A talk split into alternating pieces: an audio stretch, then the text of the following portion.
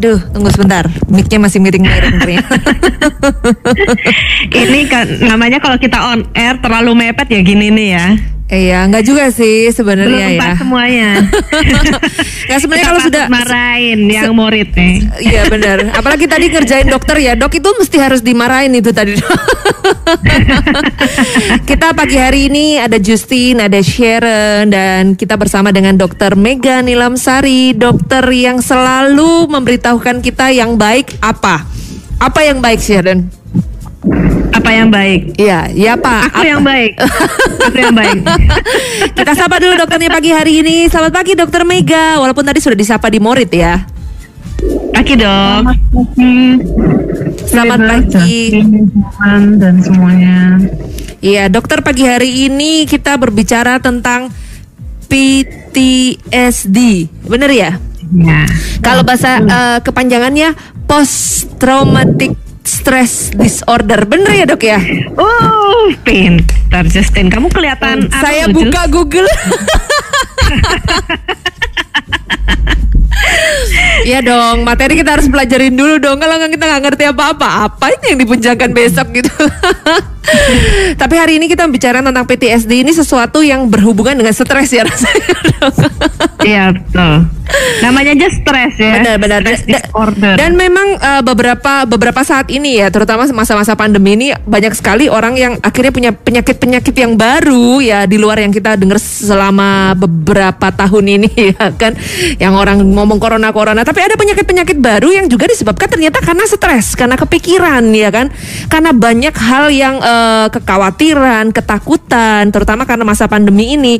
Jadi akhirnya muncul hal-hal baru, penyakit-penyakit baru. Ada yang namanya GERD itu ya, yang tiba-tiba orang-orang apa itu GERD gitu kan nggak pernah ngerti selama ini. Tapi ternyata memang itu sudah ada.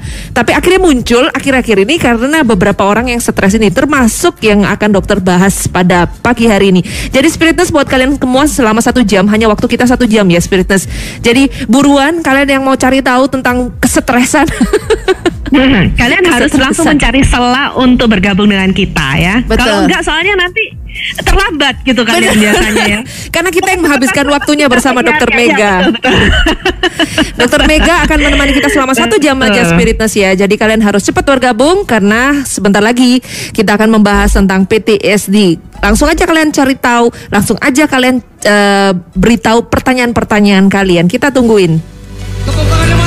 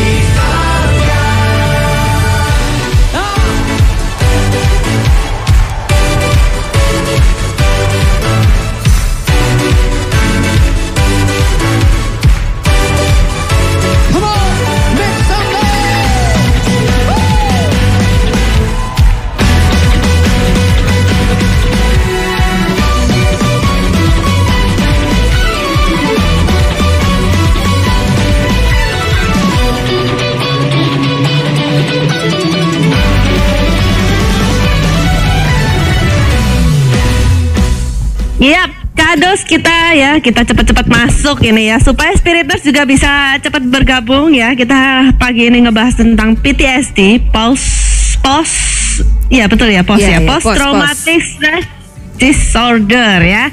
Jadi buat spirit nurse yang punya pertanyaan nanti bakal dijawab sama dokter Mega ya, bukan kita yang jawab ya, tapi dokter Mega yang jawab ya. Buruan nanya ya di WA kita 0822 1002 005. Jangan lupa formatnya nama spasi umur, spasi L buat yang cowok, P buat yang cewek ya, spasi pertanyaan kalian apa dan pertanyaan kalian harus sesuai topik ya. Kalau nggak sesuai topik ya kita langsung lewatkan aja. Iya ya, benar oke? benar benar karena kita berbicara tentang stres jadi kalian boleh bertanya Ah. segala sesuatu yang tentang berhubungan stres. dengan stres betul ya. Jangan tanya tentang si sutris gitu ya. Misalnya sutris ada di mana? gitu. Nggak bisa jawab kita nanti ya. Kita langsung ke Dokter Mega. belum belum belum belum. Aduh, kalau ada yang kepanjangan kamu, nanya langsung ya bisa hubungin kita di zoom ya. Kalau mau nanya langsung sama dokter Mega ya zoom kita 22 1000 2005 ya. Jangan lupa nanti username-nya kalian harus diganti dengan namanya kalian supaya kita lebih enak manggil kalian siapa begitu? Yes. oke langsung aja dok.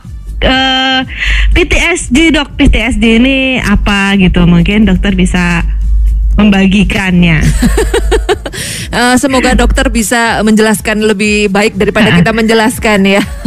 ya mungkin oh ya sudah silakan dok Ya, selamat pagi. pagi dok Senang kembali. Kita bertemu kembali. Ya. Semoga semoga tetap sehat ya semuanya. amin Oke, kita pagi ini tentang PTSD. Bisa minta tolong dibantu share screen-nya? Sebentar dok, ini Justin dari tadi ya disuruh siap-siap ya Iya. Mm-mm. maaf ya dok ya. tapi nggak juga dibagi mungkin buat spirit nurse ya kalian kalau mau ngelihat share screen-nya kalian bisa join di YouTube kita ya di spirit spirit apa Jus spirit FM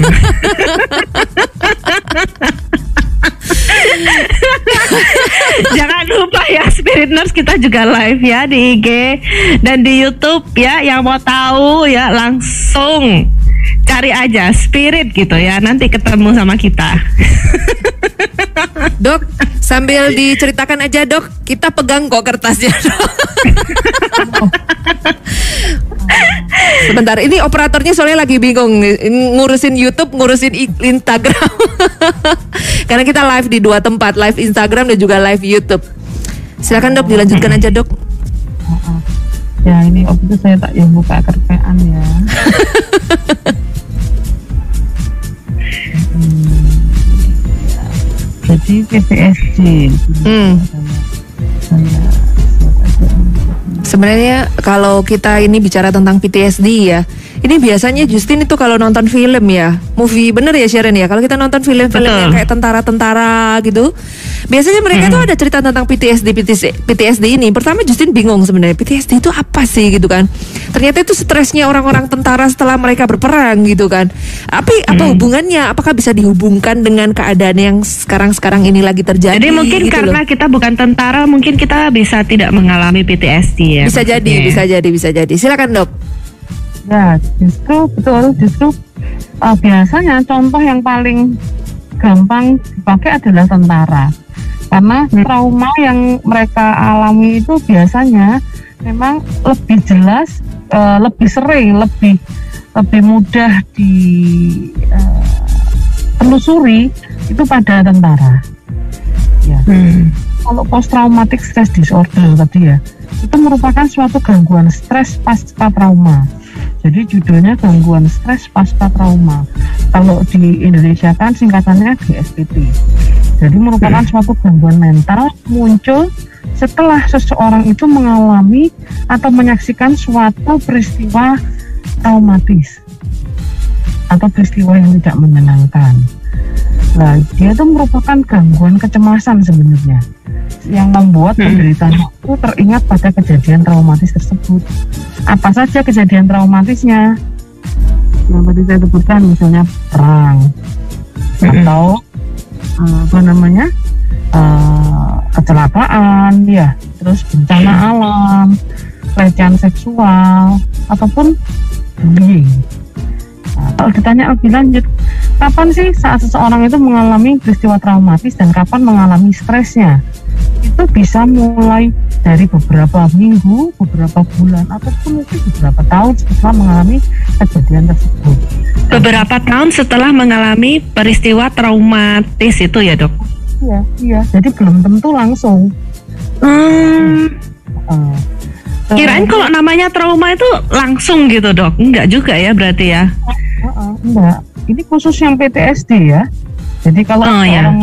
Trauma aku trauma kalau pada anak-anak biasanya gitu. Atau mungkin ada muncul pada eh, mimpi. Jadi sering terbangun teriak-teriak tengah malam gitu-gitu. Hmm, kayak mimpi buruk gitu ya dok ya. Mm, Iya.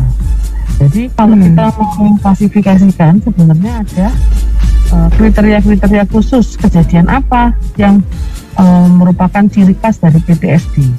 Hmm. Kalau saya cari ini belum bisa di sketch screen ya. Ini Oh bisa bisa bisa sudah bisa dok. Yang eh, bagian yang mana dok? Ini gejala PTSD yang ada. Oh, Oke oke sebentar. Ya. Sebenarnya ya dok ya untuk eh, apa pasien-pasien penderita PTSD ini apakah mereka itu sadar dok kalau stres yang timbul dalam diri mereka itu karena trauma sebelumnya gitu.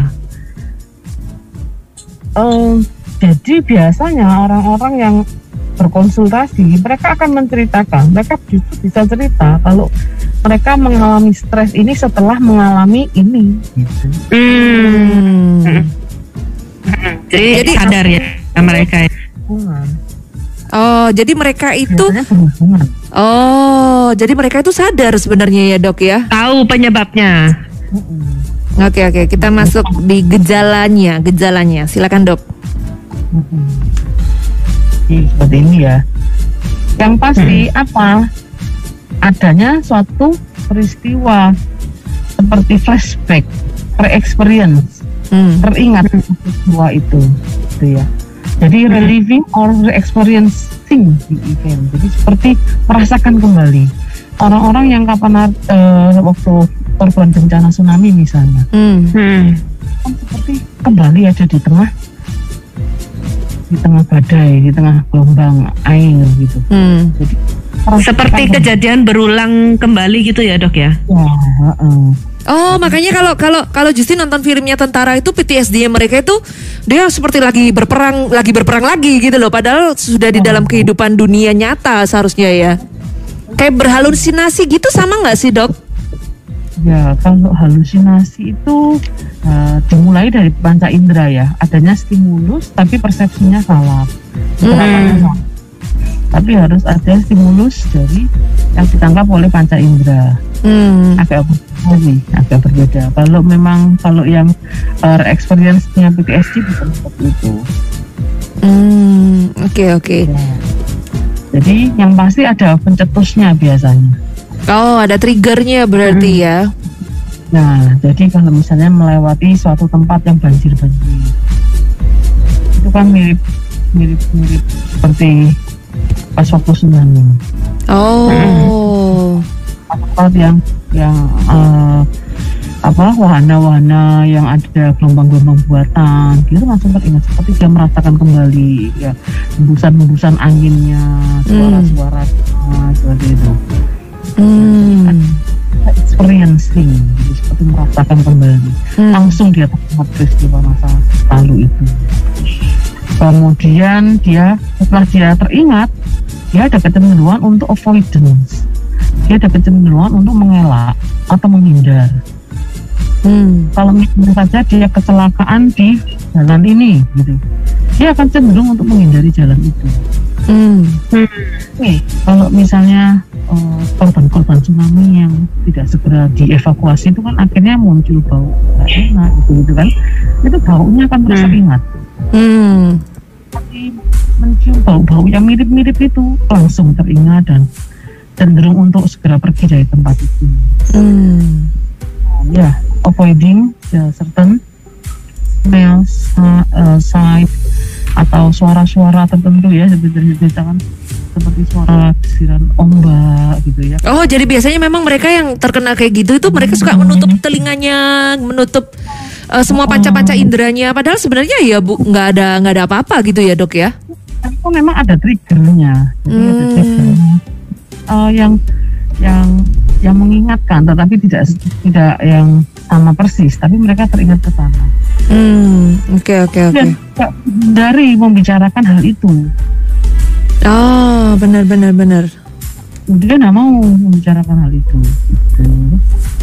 ya setelah itu muncul pikiran-pikiran dan suatu belief yang negatif Hmm. Jadi si pengakui tidak interest dari sesuatu yang biasanya mereka interest.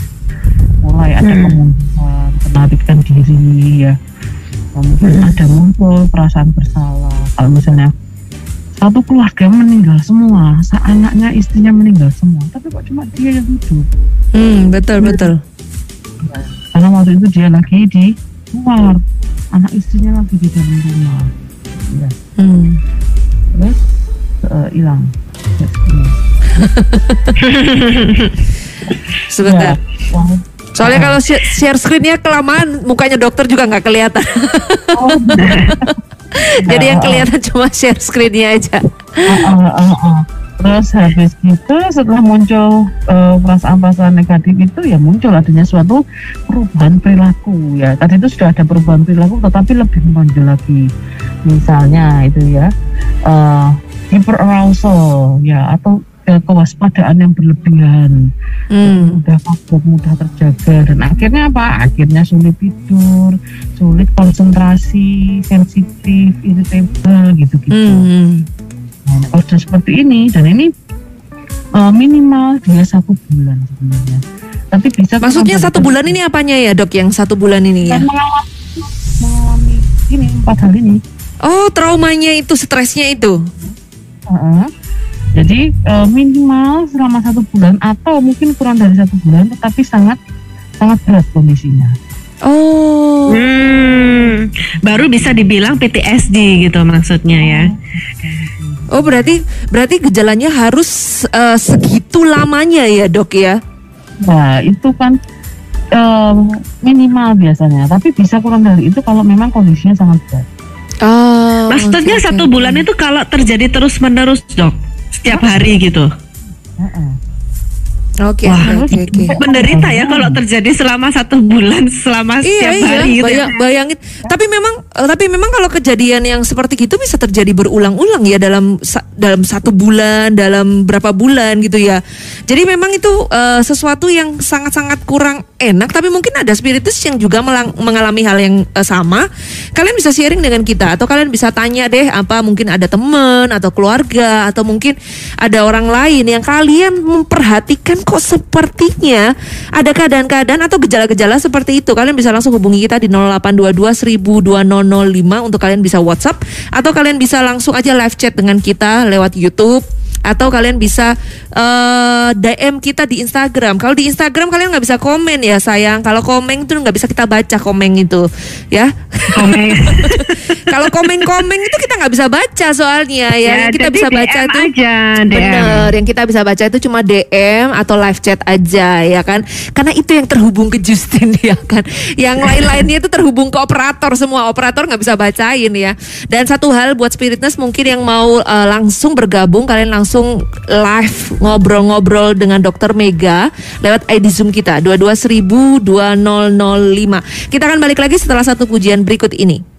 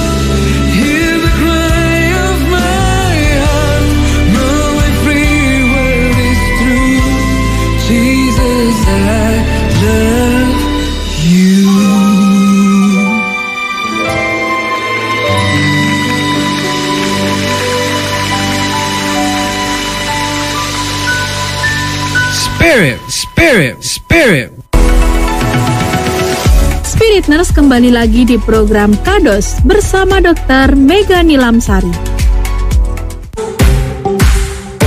Ya, masih bersama dengan Dr. Mega Nilamsari dan kita masih ngebahas tentang PTSD buat spirit nurse yang mau gabungan ya yang mau nanya-nanya tentang PTSD post trauma eh, pasca traumatic stress disorder ya. Jadi kalian bisa Sambung ya bahasa Indonesia, bahasa Inggris ya digabung ya Bu ya. panjang ya.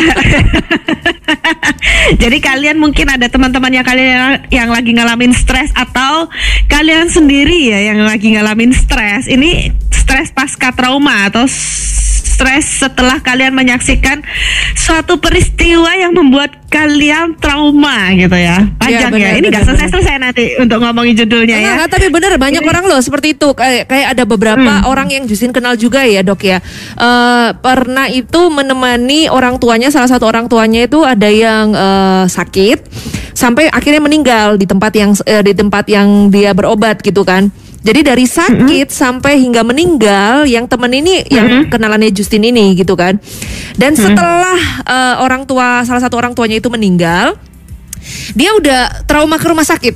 Jadi mendengar suara titit atau apa yang apa sih itu yang titit itu kayak jantung ya atau ngecek apa gitu alat-alat itu. Monitor itu ya, monitor. Iya, dia dia mending keluar deh gitu loh. Karena dia eh, ada ada kayak gitu-gitu tuh termasuk juga PTSD nggak sih, Dok? Ya, kan kuncinya tadi kalau sampai mengganggu waktu kita sepanjang hari Hmm. dari apa yang alaminya itu ya itu sudah berarti suatu trauma PTSD. Hmm. Kalau hanya saja aku nggak mau lagi ke rumah sakit. Aku ke rumah sakit teringat sama marhum papa. Iya, betul betul. Ya nggak apa-apa ya itu wajar. Oh, berarti itu nggak termasuk PTSD gitu ya, Dok ya? Ya. Jadi kalau tadi kriteria yang empat tadi gejalanya tidak tidak tidak memenuhi ya bukan berarti kan kalau sampai Hmm. muncul oh, kan tadi kan baru yang nomor dua ya jadi nomor satu dua baru teringat baru ada kecenderungan untuk menghindar atau Mm-mm. mengelak tapi untuk pikiran-pikiran negatif perasaannya kan belum terlalu dominan ya. Soal perilaku dan emosinya kan belum terlalu dominan ya bukan berarti Hmm.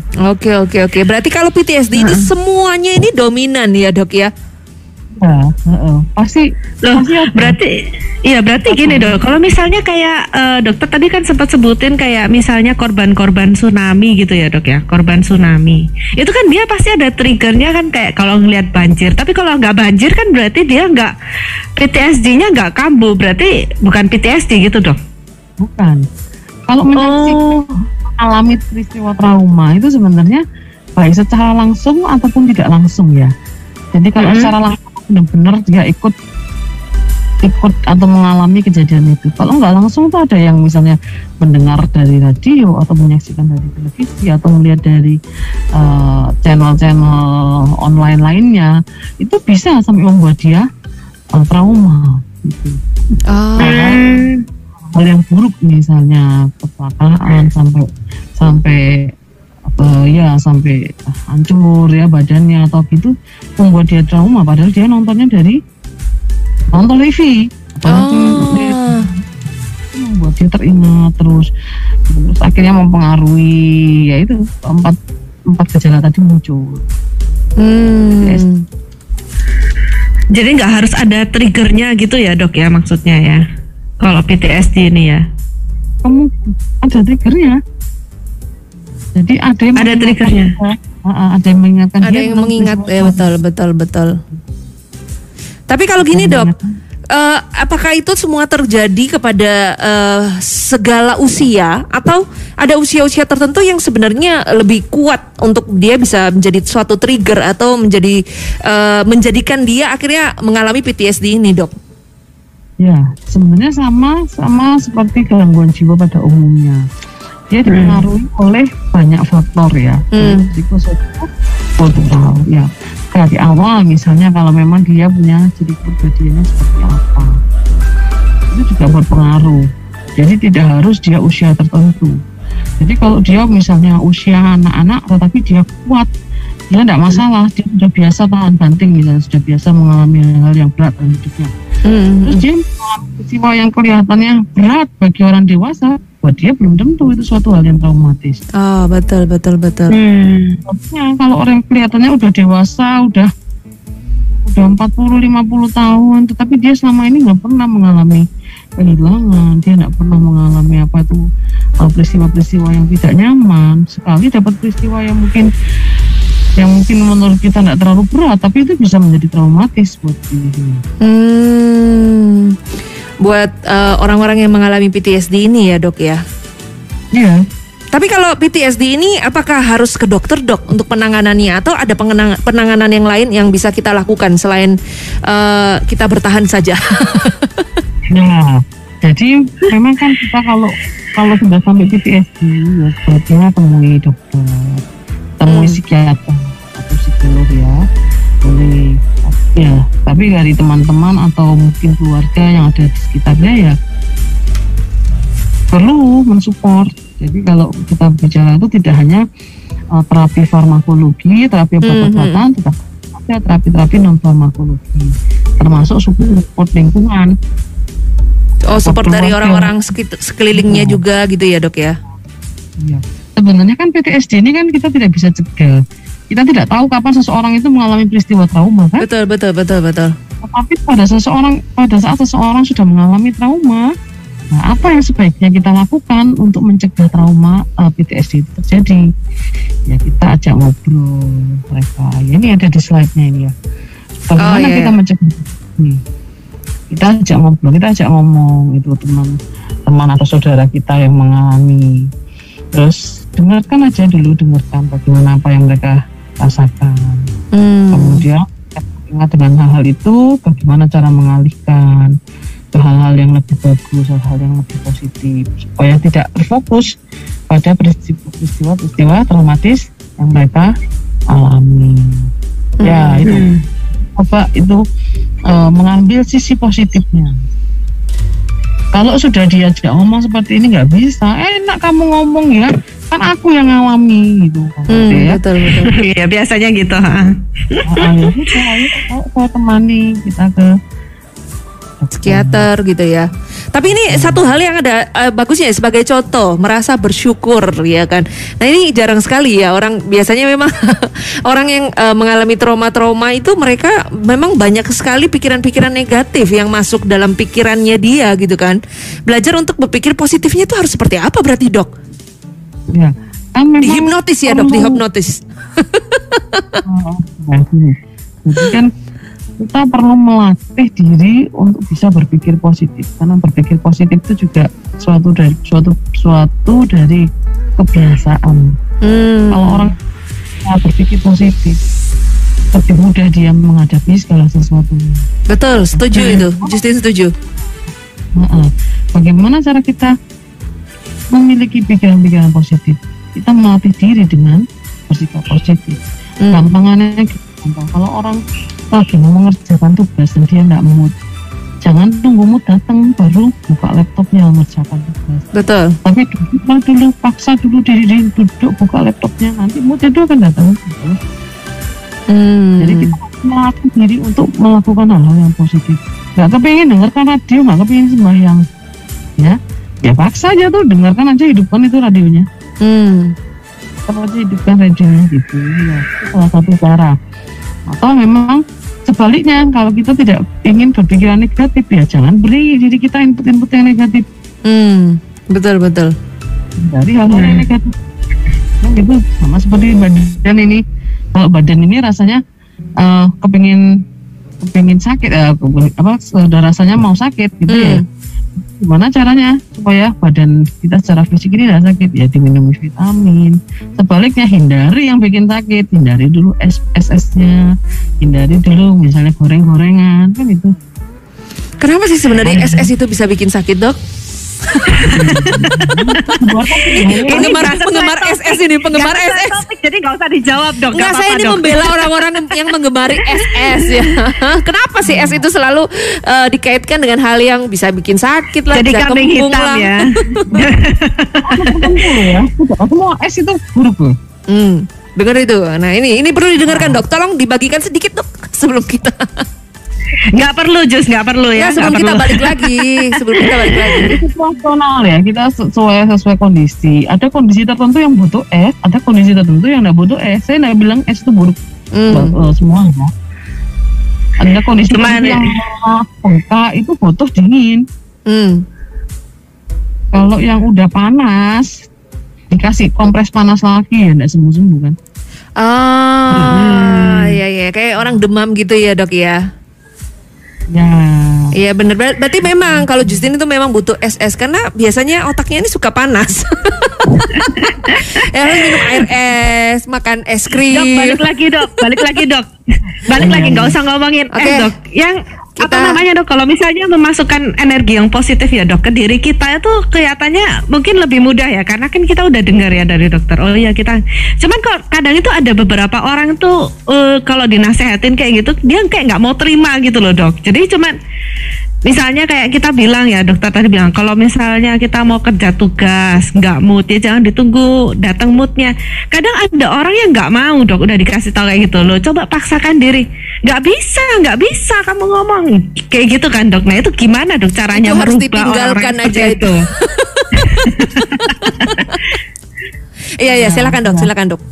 ya jadi kita lihat ki- kita mau sampai seberapa sih sama orang ini gitu ya.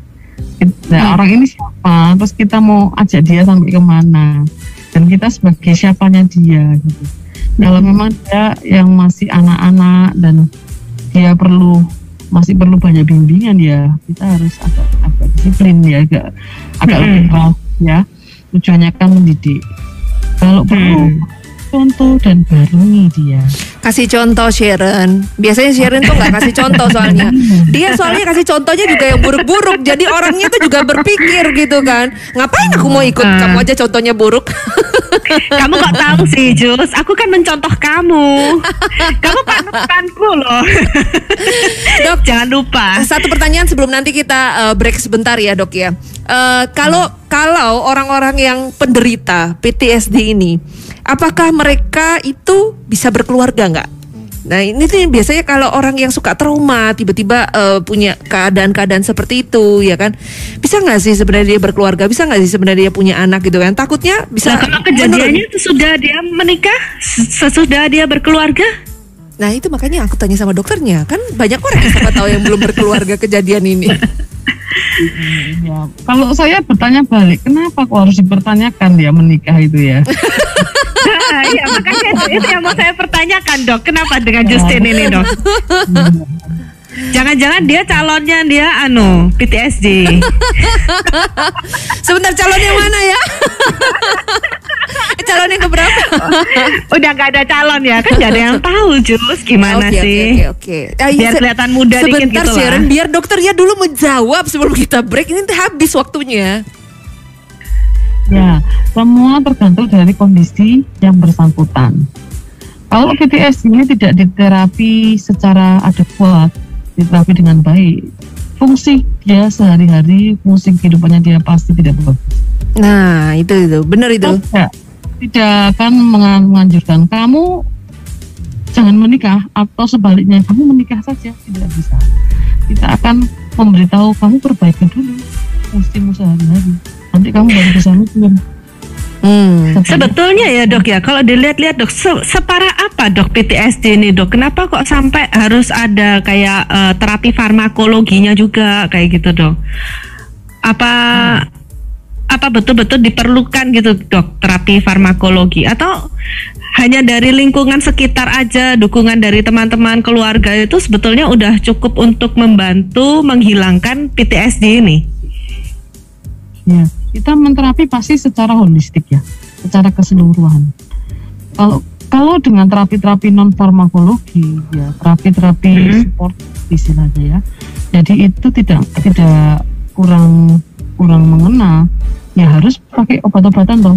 Itu ada kalau bahasa kedokterannya itu ada eh, neurotransmitternya, zat-zat kimia di otaknya yang nggak seimbang. Hmm. Mampu mengembangkan dengan obat-obatan. Hmm. Oh oke. Anak ini bentuknya adalah cemas. Cemas biasanya tidak berdiri sendiri. Cemas biasanya ada bawa teman namanya depresi. Jadi Betul, mereka betul. berjalan- mereka berjalan berdampingan dan itu kalau dibiar-biarkan, ya yang paling buruk kan sampai menyakiti diri. Ya, Hmm, ya kalau depresi itu paling bahaya ya memang ya dok ya. Hmm, hmm, ya. Karena sekarang eh, seperti yang tadi Justin sudah sampaikan di awal sekali ya, orang yang stres, oh, apalagi yang sampai depresi, itu kan eh, banyak sekali penyakit-penyakit baru bisa muncul gitu kan. Tiba-tiba, eh kok jantung saya kok mulai sakit ya kan? Tiba-tiba kok eh, badan saya nggak enak gitu kan? Tiba-tiba ada aja penyakit yang baru yang muncul kalau kita eh, membawa stres itu ke mana-mana. Makanya eh, manajemen stres itu perlu ya dok ya. Mungkin kita akan balik lagi untuk bagaimana sih sebenarnya kita mengana menganangi. Mau ngomong apaan sih Jus? Jus. Tahu deh, putar lagu aja deh.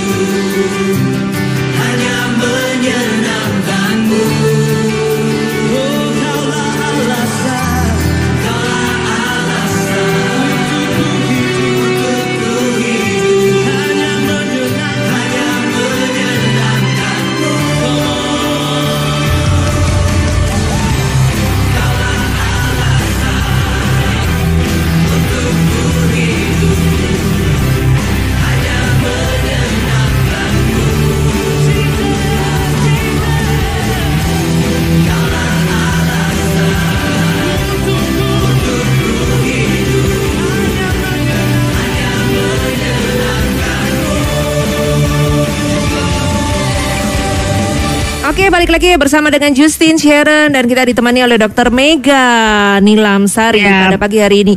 Kita berbicara tentang PTSD dan kita sudah di penghujung acara. di mana ya, Dr. Mega juga akan menyampaikan satu kesimpulan dan juga tambahan mungkin semua spiritnya semuanya untuk mereka yang mungkin ada terkena gejala PTSD atau mungkin orang di orang di sekeliling kalian yang kalian melihat sepertinya dia punya gejala-gejala seperti itu. Silakan, Dok. Ya, terima kasih. Jadi saya- kesimpulannya setiap orang ini bisa mengalami peristiwa traumatis dalam hidupnya. Apa pun itu, ya tidak sama. Jadi kalau kita mengalami suatu hal yang kita itu biasa saja, belum tentu menurut orang lain itu hal-hal yang biasa. Bisa jadi itu menjadi hal traumatis buat mereka. Nah, kalau kita tahu orang tersebut mengalami hal-hal traumatis, bisa nggak kita membantu dia untuk tidak jatuh ke kondisi PTSD? Hmm. Bisa sebenarnya. Apa yang bisa kita lakukan? Kita ajak dia ngomong, seperti saya sampaikan ya. Kita ajak dia ngomong, terus kita berusaha membangun pikiran-pikiran positif Hmm. dari pikiran dia yang muncul yang negatif tadi itu. Kita berusaha mengarahkan dia untuk uh, melihat sisi baik dari apa yang dia alami. Kenapa sih kok sampai mengalami pelecehan seksual? Sisi baiknya apa gitu ya? Kamu enak ngomong. Iya, nggak ada sisi baiknya rasanya kita bisa mikir. apa ya? Justru aja mikir sisi baiknya apa? Kita, aku juga langsung mikir, makanya kita diam. Makanya kita terdiam, mikir sisi baiknya apa ya? Sisi baiknya apa dari pengaruh pelecehan seksual? Bener-bener nggak rasanya nggak ada hal positif soal yang bisa terpikirkan dok. Sisi baiknya adalah di kemudian hari kamu harus hati-hati. Apa dok? Ada apa dok? Tadi suaranya agak mengecil dok. Sisi baiknya apa dok? Di kemudian hari kamu harus lebih hati-hati. Oh, oke oke. Karena apa kemarin kamu terjadi pelecehan seksual? Hmm. Kira saat itu apa yang dialami? Di mana saat itu? Apa yang dialami? eh, respon eh, sikapnya bagaimana waktu mengalami itu? Ya, itu nanti dibuat pelajaran untuk di kemudian hari supaya tidak terjadi lagi. Berarti misalnya waktu itu rasanya eh, rok saya terlalu pendek. Hmm. Jadi saya Tapi kalau seperti itu apa? Kalau seperti itu apa nggak tambah eh, membuat dia kayak tambah merasa bersalah gitu ya? Aduh iya ya, kenapa ya kok kemarin tuh aku pakai rok pendek gini? Tambah stres Akhirnya- lagi ya, tambah depresi. nggak gitu? Balik lagi PTSD. Gak selesai selesai dong. Ya kan kalau kita eh, kalau itu kalau eh, yang bersangkutan itu pasien tersebut kita bisa menerima dengan baik, ya kita enak kita bisa bisa mengubah irasional beliefnya menjadi rasional belief. Kalau Hmm. dia merasa oh berarti ini semua karena kesalahanku. Hmm. Kalau gitu kalau kemarin salah, apakah kesalahannya mau diulangi? Hmm. Hmm. Loh, memang orang orang kan bisa salah toh. Mm-mm. Dan jangan lupa yang mengalami seperti Anda itu banyak. Ah, betul betul betul betul betul. Mungkin itu itu yang bisa jadi satu tambahan buat mereka ya. Karena kadang kan mereka berpikir "Eh, I'm alone, aku hanya ah, hanya aku sendiri gitu kan. Kalau misalnya pelaku seksual itu, biasanya pelaku itu kalau enggak memang gangguan jiwa sebelumnya, gangguan jiwa berat ya, dia dulunya juga korban. Hmm. Hmm. Betul betul betul. Itu. Jadi itu gimana kita melihatnya sebagai dari sisi yang sebaliknya. Banyak sekali contoh kasusnya untuk kasus-kasus pelecehan seksual. Di mana mereka korban-korban itu mereka bisa bangkit dan akhirnya mereka bisa jadi motivator-motivator yang terkenal. Kalau sekarang dok eh, kita berbicara tentang yang pandemi terjadi nih, yang masa-masa corona ini, gimana dok? Apa bisa juga itu eh, ke arah PTSD bakalan? Bisa, bisa. Bahkan juga cukup sering kejadiannya. Para survivor, penyintas yang selamat dari uh, COVID yang sudah sembuh, mereka mengalami PTSD. Jadi Hmm. mereka kayak ketakutan gitu akan mengalami uh, COVID kembali. Hmm. Dan lagi ada ketakutan untuk bisa kembali diterima di masyarakat. Itu agak anu ya, agak kompleks ya. Jadi campuran mix antara memang murni PTSD atau mungkin ada gangguan cemas dan depresi. Hmm. Ya, jadi PTSD-nya. Tetapi untuk yang murni PTSD-nya itu juga banyak terjadi. Hmm. Soalnya COVID ini memang bukan bukan PTSD aja ya dok ya, yang belum kena COVID aja kadang kalau udah napasnya mulai Sudah mulai tersengal- takut ya. gitu, udah mulai takut, udah, Udah mulai kepikiran. gitu. Padahal dia Betul, habis betul. lari jauh gitu kan. Ya pantas aja kalau napasnya tersengal-sengal. Cuma udah mulai kayak, aduh kenapa ya napasku kok susah ini ya gitu. udah banyak eh, kecemasan yang timbul ya dok ya dari COVID ini ya, pandemi ini. Iya iya. Oke, eh, karena waktu kita sudah sangat-sangat mepet dan sudah habis ya. Mungkin Spiritus masih ada waktu untuk kalian mau konsultasi. Nah, waktu untuk di Spirit sudah nggak Oh, bisa. masih ada ya? Nggak, waktu untuk Oh, di Spirit sudah masih bisa. Aku tapi kaget loh. tapi mereka bisa eh, janjian di dengan Dokter Mega ya kan eh, Ya, di klinik Abdi Mulia Darmo Permai Timur Blok E nomor 19D ya. Jadi Spiritness bisa telepon dulu atau bisa WhatsApp dulu di 081216120840. 081216120840. Jadi kalian bisa langsung aja eh, janjian dulu deh sama Dokter Mega Dok. Aku masih mau konsultasi banyak hal ini. Nah, kalian bisa langsung aja WhatsApp di 081216120840 dan kalian bisa juga eh, datang langsung. Eh datang langsung nggak bisa ya dok ya? Tetap harus janjian dulu ya. Tapi tempatnya itu di klinik Abdi Mulia ya dok ya. Jalan Darmo Permai Timur Blok E nomor 19 dan Spiritness eh, kita sudah selesai. Lewat-lewat waktunya ya. Sebenarnya kurang panjang ya. Masih banyak pertanyaannya Justin. Masih banyak pertanyaannya Sharon. Tapi kita terima kasih deh buat dokter Mega yang sudah menemani kita walaupun cuma satu jam ya dok. Kurang panjang ya salurnya dok ya? Iya. Dokternya sampai bilang gini, "Eh, dokter kalau bilang gini, nggak cukup kalau buat saya.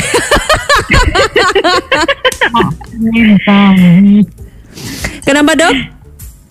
Maaf disambi. Oh. Kantor ini. iya. Sama kalau di RSC. Iya nggak apa-apa, nggak apa-apa. Jadi dokter sekaligus mau bekerja ya. Memang itu pengorbanan yang luar biasa bisa siaran dengan kita dan juga bisa eh, menuju ke tempat kerja. Terima kasih ya buat dokter yang sudah menyempatkan waktunya. Terima kasih, terima kasih juga Terima buat semua kasih, Dok. spiritness yang sudah menemani kita selama satu jam ya. Dan akhir kata kita mau ucapkan keep the spirit, keep the fire, and God bless you. Tuhan Yesus Terima memberkati. kasih. Dadah bye-bye semua. 拜拜。